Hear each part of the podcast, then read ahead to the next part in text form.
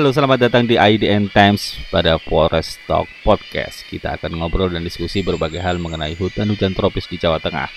Acara ini didukung oleh Pulitzer Center melalui program Rainforest Journalist Fund dan bisa didengar melalui platform Spotify, YouTube, dan Instagram IDN Times. Jangan lupa follow dan subscribe ya. Kita akan berbincang dengan Pak Sukirno atau akrab dipanggil Pak Caus, warga Soko Kembang yang ikut merasakan manfaat dari keberadaan hutan hujan tropis Petung Kriono. Halo Pak Caus, gimana kabarnya? Alhamdulillah sehat. Iya. Pak melihat kondisi hutan hujan tropis di Petung Kriono saat ini bagaimana Pak? Sudah bagus, bersemi kembali, seperti itu Pak. Alhamdulillah kalau sekarang udah mulai bersemi kembali Mas. Karena dulu tuh uh, kisaran tahun 2010-an itu hutan Perdono kan rusak. Berdasarkan masih banyak penebangan-penebangan ilegal itu kalau sekarang kan udah enggak kan ya? Makanya kalau musim hujan sekarang ini alhamdulillah di Petung Kriono longsor-longsoran tuh udah mulai kecil lah nggak seperti dulu. Kalau dulu tahun 2009 2010 itu longsor di Petung Kriono sampai memutuskan jalan. Bahkan e, banjir bandang itu sering. Tapi sekarang alhamdulillah nggak cuma ada longsoran tetap ada cuma nggak banyak lah. Kecil yang bisa di uh, kerjakan dalam hitungan jam itu udah selesai nggak seperti dulu um, dulu memang kondisinya gundul gitu atau uh, apa ya apa namanya kersang itu atau hutannya padahal dulu juga juga rapat juga pak kan? kalau dulu ya rapat tapi semenjak ada penebangan itu uh, oknum yang tidak bertanggung jawab tuh kan kayu-kayu dijual keluar itu kan nggak satu kali dua kali kan. Berterus-terusan akhirnya kan gundul. Nah akhirnya eh, air yang di pohon-pohon itu nggak bisa menapung. Akhirnya kan pada longsor kayak gitu mas. Makanya dulu kan tiap sungai-sungai kecil seperti di Jamban, Sagede, Sibeduk, terus Tinalum itu sering banjir bandang. Kalau sekarang enggak. Paling airnya debit airnya gede. Itu wajar namanya curah hujan.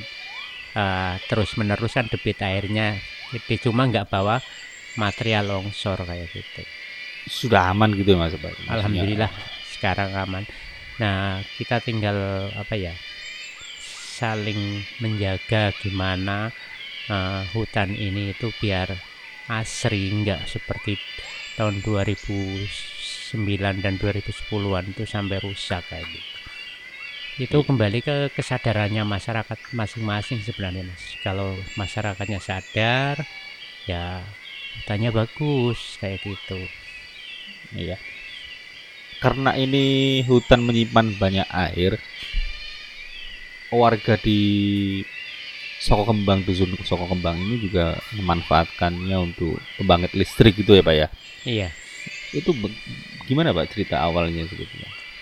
Cerita awalnya kan di sini kan krisis lampu Mas ya. Paling adanya surya, panel surya itu yang kecil paling 50 apa 5 kW apa enggak salah. Itu kan paling tiga lampu. Semenjak ada PLTMH atau dibilang orang kincir itu kan uh, sekarang udah dimanfaatkan buat air itu bisa dimanfaatkan buat PLTMH atau kincir itu. Pembangkit listrik tenaga, tenaga mikrohidro iya, gitu ya tenaga mikro. Dari tahun berapa itu pak sampai apa krisis listrik gitu kalau krisis listrik tuh semenjak aku kecil mas. Sampai pokoknya saya kecil sampai saya merantau ke Jakarta terus pulang dari Jakarta. Itu masih krisis lampu. Berarti uh, normal lampu itu kisaran tahun berapa ya? Uh, belum ada 10 tahun kayaknya. Ada 10 tahun. Praktis berarti PLTMH berfungsi tahun? PLTMH kan dulu sini sama Tinalum tuh bareng. Saya sering sering apa namanya uh, sering mati. Berdasarkan kan uh, kebanyakan pemakai akhirnya nggak kuat kan?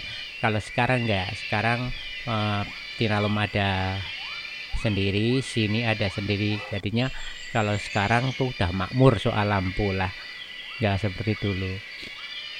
Memang suka dukanya nggak ada lampu dulu sempet apa namanya bikin anu ya, warga susah gitu. Iya mas, kalau dulu kalau belum ada lampu itu kalau mau apa namanya lihat TV itu kan bareng bareng-bareng. Jadinya ke rumah siapa yang ada TV-nya itu kan pakainya kan aki itu. Kalau uh, aki kan TV hitam putih kan itu dulu kecil. Ada kemajuan lagi pakai kincir manual yang bikin orang apa sendiri-sendiri itu itu pun nggak bisa satu kincir itu dua TV nggak bisa. Paling satu kincir dua satu TV lampu secukupnya. Kadang lampunya dipadamin dulu buat masukin apa namanya ke kincir itu. Karena uh, dari kincir itu nggak ada penampungan seperti sekarang ada panel itu kan nggak ada jadi langsung. Jadi dulu itu pot kincir itu uh, kan namanya los ya. Los nggak ada penampungannya itu lampu TV itu kerap jebol yang apa namanya uh, bekas lampu itu hampir satu karung iya. nah nggak ada nggak pengaturnya gitu nah, ya nggak ada ya? pengaturnya terus kemudian apa namanya berhasil memanfaatkan kemudian ada PLTMH seperti itu lumayan apa namanya membantu warga juga ya bukan sekadar apa namanya uh, membantu cuma sangat membantu lah. Walaupun dulu masih masih barang sama Tinalum kan belum maksimal kan itu kan paling MCP 1 ampere. Jadi orang dikasih setrum itu kurang lebihnya 225 watt. Kalau melebihi kapasitas kan nggak nggak kuat. Paling ya buat TV lampu gitu. Kalau masak nasi. Itu nggak bisa langsung masak nasi tapi cuma buat ngangatin doang. Pak itu inspirasi dari inisiasi bisa bikin wah ini pasukan air di hutan Petung Krion ini cukup melimpah seperti itu. Pun sampai bisa kemudian berpikir untuk dibikin PLTMH seperti itu itu kan namanya perkembangan zaman mas ya. Ada yang bikin terus kita ikut-ikut bikin gitu walaupun nggak semaksimal. Nah maksimalnya itu ya semenjak uh, bantuan dari provinsi dulu itu kan. Bantu-bantu provinsi itu baru maksimal walaupun belum maksimal banget lah. Tapi kalau sekarang khususnya sekarang itu ya udah lebih dari maksimal. Tinggal apa namanya lah perawatan dan apa namanya nah, yang jelas tinggal perawatan. Kalau kekurangan-kekurangan kayak gitu aja nggak nggak seperti dulu. Kesulitan perawatannya apa Pak maksudnya? Kalau kesulitan perawatan di PLTMH itu sebenarnya kalau musim hujan gitu mas. Kalau musim hujan itu kan air itu kan nggak nggak tentu kan ya kadang banyak kadang kecil. Yang terutama itu aku bilang sama teman-teman itu sampah sebenarnya kalau sampah e, masuk ke dalam apa namanya baling-baling kipas itu pasti dia menyangkut di situ. Apalagi yang nggak hancur kan sampah plastik. Kalau sampah kayak daun itu pasti hancur. Tapi kalau plastik gitu makanya kalau sekarang musim hujan kayak gini paling satu hari dua hari itu harus matiin dulu ambil sampahnya itu dulu. Karena masalah sampah kan susah lah di mana-mana untuk peduli sama sampah plastik itu susah. Orang pasti kalau buang sampah itu pasti ke sungai. Itu nggak yeah. bakalan. Ditumpuk terus dibakar tuh nggak bakalan.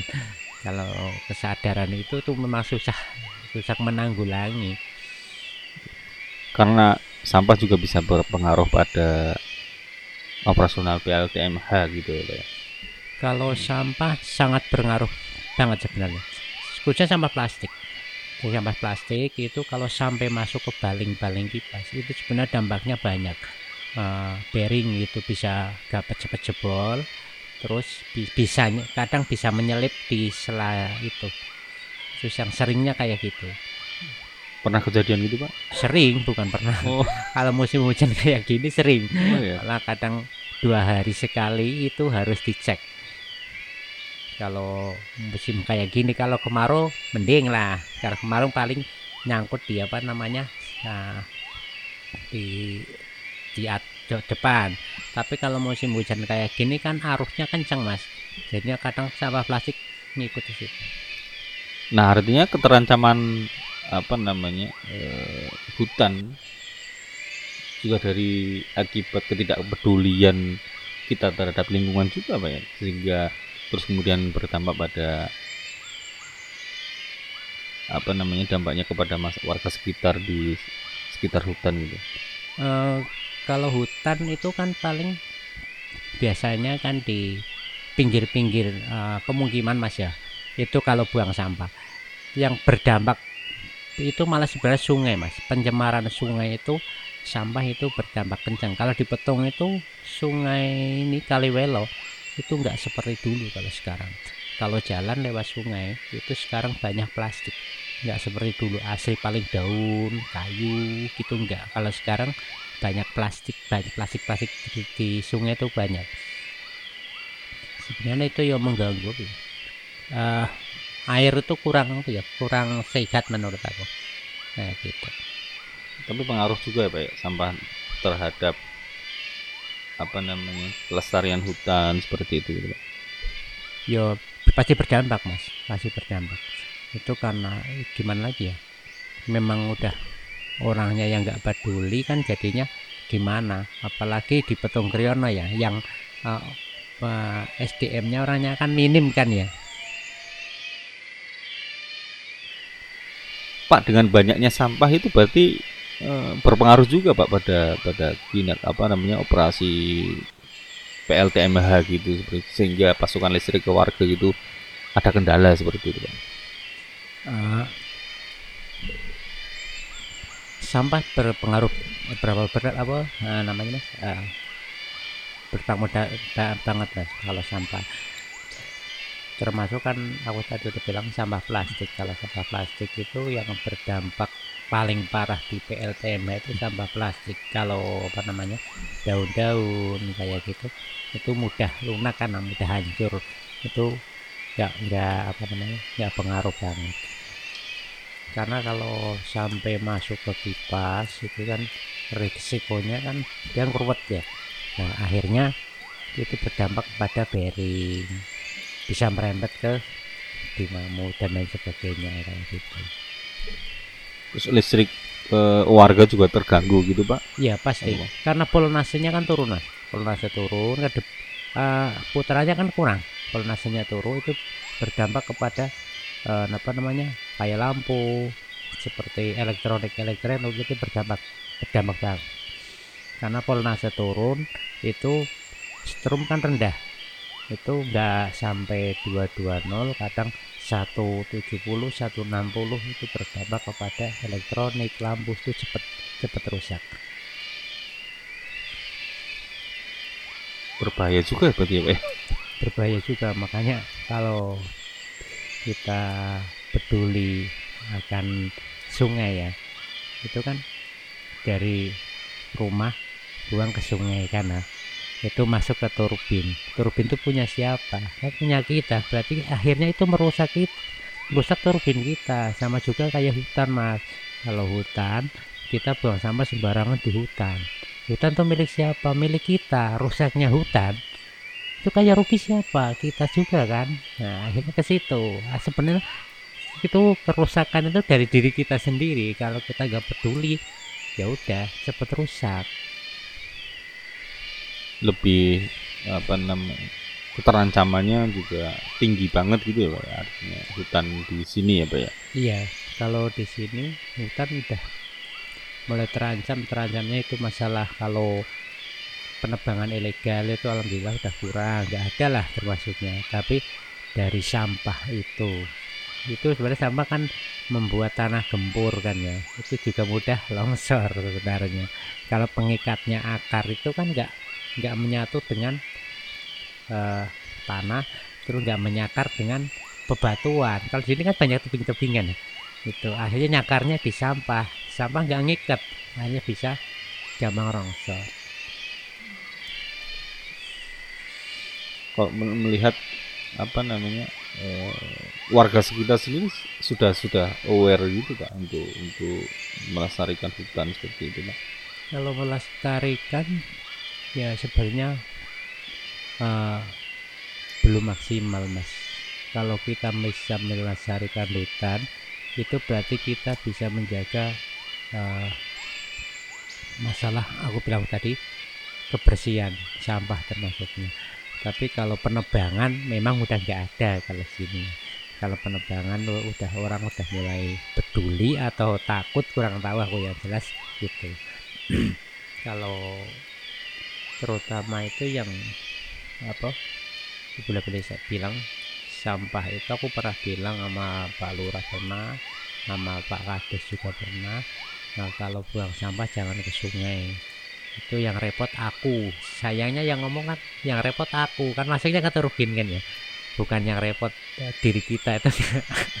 Sebenarnya repot diri kita. Kalau terus sampai mati akhirnya kan diri kita ya rugi. Kayak gitu kalau warga sini masih eh, masih ada juga yang buang sembarangan seperti itu. Ditambah kalau itu karena memang hutan ini berada di luar kawasan konservasi uh, banyaknya manusia yang masuk juga tambah banyak gitu ya ya. Kalau masyarakatnya aja belum peduli yang pertama.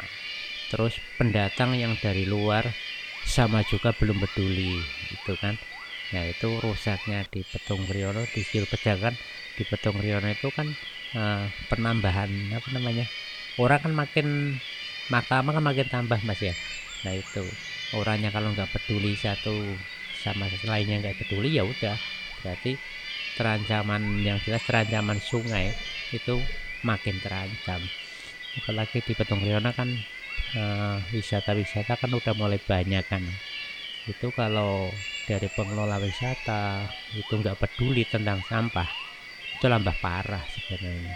Kalau pendatang dari bawah itu pasti buangnya sampah sembarangan kebanyakan sembarangan mas. Ya nggak nggak semua tapi kebanyakan sembarangan. PR-nya banyak betul iya. Kalau di Petong Riano kalau sekarang PR PR sampah banyak iya, tapi Pak. kalau peduli hutan alhamdulillah apa namanya uh, penebangan liar itu udah udah nggak ada. Ya ada mungkin ada tapi kan nggak seperti dulu. Kalau bapak sendiri apa yang yang bisa dilakukan uh, untuk mengurangi ya membuang sampah seperti itu kalau saya jalan satu-satunya bakar mas. Nah kalau saya pernah bilang sama Pak Bau itu bikin tempat TPA tempat pembakaran sampah itu ya. Sampai sekarang sampai sekarang itu belum ter, dibikinkan. Padahal kalau udah dibikinkan orang buang sampah sembarangan kita kan bisa negur kan tapi kalau belum ada uh, tempat pembakaran itu kan kita bilang gimana maksudnya? Kok suruh bawa akunya suruh bawa kayak gitu kan. Ya nggak bisa kan. Nah akhirnya kan orang rata-rata buang.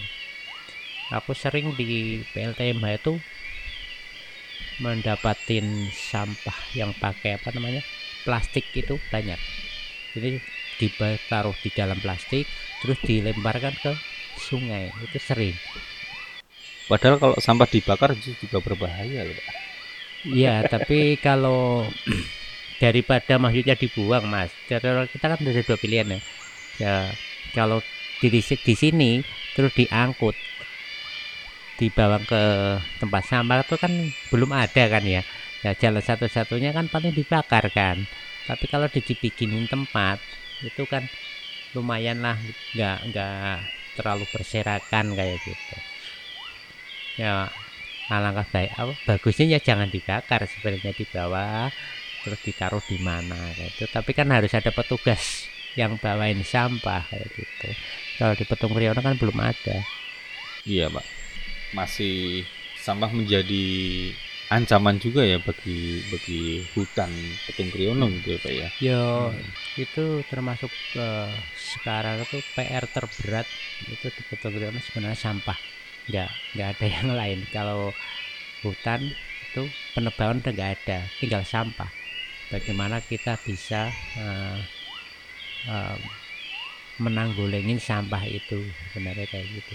Aku pernah eh, ada komunitas sepeda itu aku suruh ambil sampah dari eh, keroyakan itu ya ada tiga ke sini bersepeda sambil ambilin sampah untuk kegiatan itu hari Jumat pas ambilin sampah aku bakar nah, tapi kan itu ada ada apa namanya komunitas kayak gitu yang peduli tapi kan nggak semua mas aku mau ngadain lagi tapi belum belum ada yang itu Penting untuk kita untuk peduli gitu. Artinya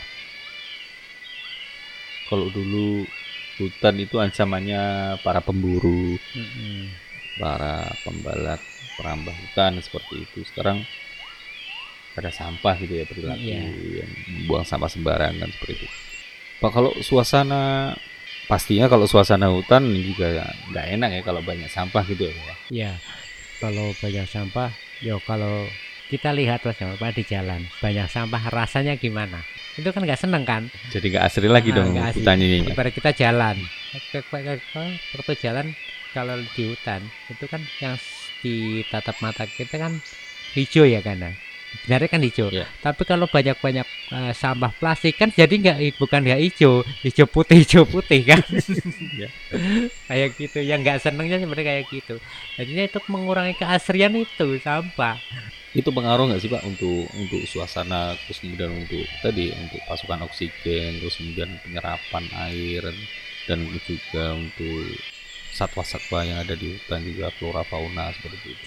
Sebenarnya pengaruh mas pengaruh kalau sampah itu untuk yang jelas yang tanah ya itu pengaruh. Pengaruh di satwa pun ya sebenarnya pengaruh. Kalau satwa itu nggak tahu itu plastik yang penting kayak foam ya itu kan bekas makanan. Ya itu ada hewan yang suka makanan itu kan pasti foamnya dimakan. Itu juga nggak sehat dari eh, eh, hewan-hewan itu sebenarnya kayak gitu. Masalahnya aku sering lihat monyet. Di sini monyet kan banyak kan itu yang ada yang bawa eh, ambil sampah itu dibawa dimakan. Kayak gitu. Berarti itu kan sampah orang bekas bekas orang kan pakai foam itu kan dibawa dimakan. Ini dimakannya bukan isinya doang sak foamnya dimakan. Itu kan ya kese- kesehatan dari apa namanya satwa juga kurang sehat akhirnya makan sampah. Iya pak. Kalau pesennya Pak Sukirno untuk generasi muda apa pak Pak, untuk untuk ke depan? Kalau pesan saya kepada kepada generasi yang kan yang muda seperti anak-anak saya lah. Ya, cintailah alam kita sebenarnya mas. Karena keas alam kita itu lebih uh, bagus lebih asri itu uh, di apa namanya kesehatan itu lebih bagus sebenarnya. Keasrian kan lebih bagus mas di kesehatan kayak gitu. Itu kalau pesan saya yang khususnya buat anak-anak muda itu tolong apa namanya nah peduli dengan sampah sebenarnya. kalau kita peduli dengan sampah itu pasti ke, apa keasrian di Petung Briono lebih bagus. Tapi kalau kita tidak peduli dengan sampah ya Petung Briono bukannya tambah bagus tapi tambah hancur gitu. Iya. betul betul. Kalau untuk masyarakat kembali lagi ke yang tadi untuk PLTMH ini manfaatnya untuk masyarakat apa pak mungkin selain listrik seperti itu? Apa namanya eh, lebih karena di sini juga ada yang konveksi terus kemudian memanfaatkan seperti itu membuka lapangan kerja seperti itu sebenarnya manfaatnya dari PLMH PATMH itu lebih lebih menghemat mas. Lebih menghemat. Terus kalau untuk penjahit di sini kan ada penjahit-penjahit itu. Memang pemerintah itu menganjurkan PLTMH itu untuk ber- berusaha mas. Usaha maksudnya seperti ibu-ibu usaha apa pakai listrik itu bisa. Bukan cuma buat lampu dan kulkas terus TV itu enggak. Sebenarnya kalau buat usaha itu pemerintah itu lebih mendukung karena akan meningkatkan perekonomian di itu apa namanya? Nah, warga-warga itu ya. Yang dulunya ibarat nggak bisa jahit kan ya.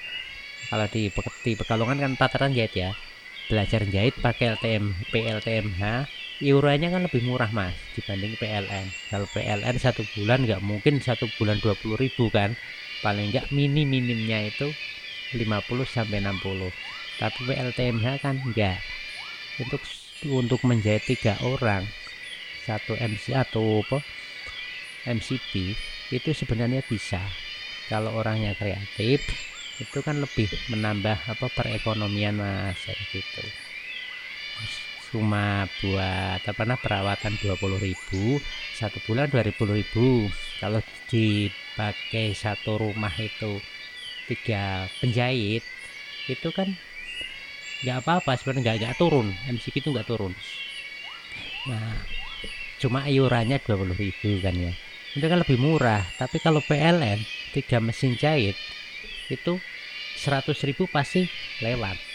Hmm, itu lebih hemat sebenarnya lebih hemat. Itu eh, bisa buat penambahan perekonomian. Itu khusus untuk dusun sini aja pak ya? Dusun Sukembang berapa sampai berapa kakak gitu? Kalau di sini pakai PLTMH itu 33 rumah. 33 rumah itu dikasih satu orang tuh 450 watt tapi PE 450 buat PLTMH itu nggak mudah turun. Nggak nggak kayak PLN nggak. Karena tegangannya itu nggak terlalu kencang. Walaupun voltnya sama cuma tegangannya nggak begitu kencang. Nggak nggak mudah turun. Iurannya berapa pak Sama? Hmm? per iuran? Untuk perawatan dan operator 20.000 satu bulan. Setiap rumah Setiap- itu dua puluh ribu. 20.000 itu kalau seperti mas itu Gobel itu sama 20.000 karena saya eh, pas pengurusan saya 450 itu dipakai tiga orang penjahit. Yang lain kan pakai PLN kan ya. Itu kan lumayan. Kalau tiga penjahit itu kalau pakai PLN 100.000 pasti habis mas. Itu cuma 20.000 kan berarti eh, bisa menghemat 80.000 kan. Itu per bulan kalau satu tahun kan lumayan. Iya, iya. 800 ribuan. Kalau itu pasukannya PLTM kan dari air ini pak. Iya. Eh, sempat terganggu nggak sih pak untuk dukungan air dari hutan-hutan tropis Gunung Kriono ini pak? Untuk PLTMH seperti maksudnya? Pasukan untuk listriknya ini kan dari air dari Ah. air dari hutan seperti itu. Nah eh, sempat mengalami gangguan ya pak? Misalkan nggak ada oh debit airnya rendah oh, ternyata malah kalau musim penghujan ini yang tadi dikatakan tinggi seperti itu. Kalau kekurangan sini belum mas. Kalau debit air kecil pernah waktu tahun 2019 itu masih masih di apa masih muter. Walaupun eh, dayanya nggak maksimal lah. Itu masih bisa buat apa namanya lampu. Kebutuhan kebutuhan masih bisa. Saat sini tuh nggak nggak sampai mati total karena apa nah eh, hutannya kan masih lumayan masih bagus ya, ya. Akhirnya air itu nggak nggak cepet nggak habis walaupun kayak kemarin tahun 2019 itu kan 9 bulan apa nggak salah ya? 9 bulan kemarau tapi nggak habis.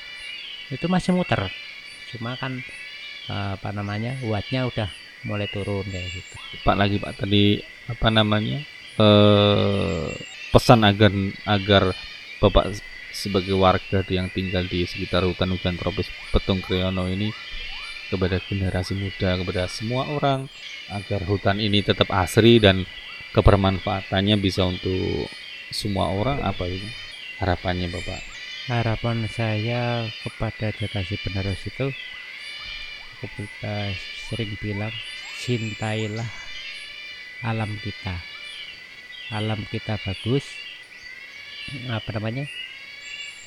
Uh, ke depannya lebih bagus yang jelas ke depannya biar bagus itu cintailah alam kita caranya cintailah alam kita kita harus sadar diri. Kayak gitu mas. Masih sadar diri gini uh, bagaimana kita, hutan ini nggak rusak berarti yang jaga kan kita. Ya bukan cuma jaga nggak nebangin pohonnya. Termasuk kebersihannya juga dijaga kayak gitu. Ya makanya kita aku bilang uh, biar hutan kita asri jagalah uh, hutan kita dengan kesadaran diri kita sendiri. Kalau kita uh, apa namanya merusak merusak hutan kan bukan cuma menebang doang kan nah. itu uh, seperti kayak buang sampah apa tuh? Jangan sembarangan. Memang uh, tantangan ke depan bagi milenial dan Gen Z adalah merubah mindset untuk peduli kepada lingkungan, peduli kepada hal sekitar termasuk kepada hutan. Ancamannya karena memang tidak pada kembali pada tindakan-tindakan uh, eksploitatif tapi lebih pada perilaku seperti tadi yang disampaikan Pak Sukirno untuk tidak membuang sampah sembarangan seperti itu. Demikian Forest Talk podcast IDN Times bersama Pak Sukirno, warga Soko Kembang yang um, ikut merasakan manfaat dari keberadaan hutan hujan tropis di Petung Kriyono. Acara ini didukung oleh Pulitzer Center melalui program Rainforest Journalist Fund dan bisa didengar melalui platform Spotify, YouTube, dan Instagram IDN Times. Jangan lupa follow dan subscribe. Juga terus baca IDN Times. Sampai jumpa.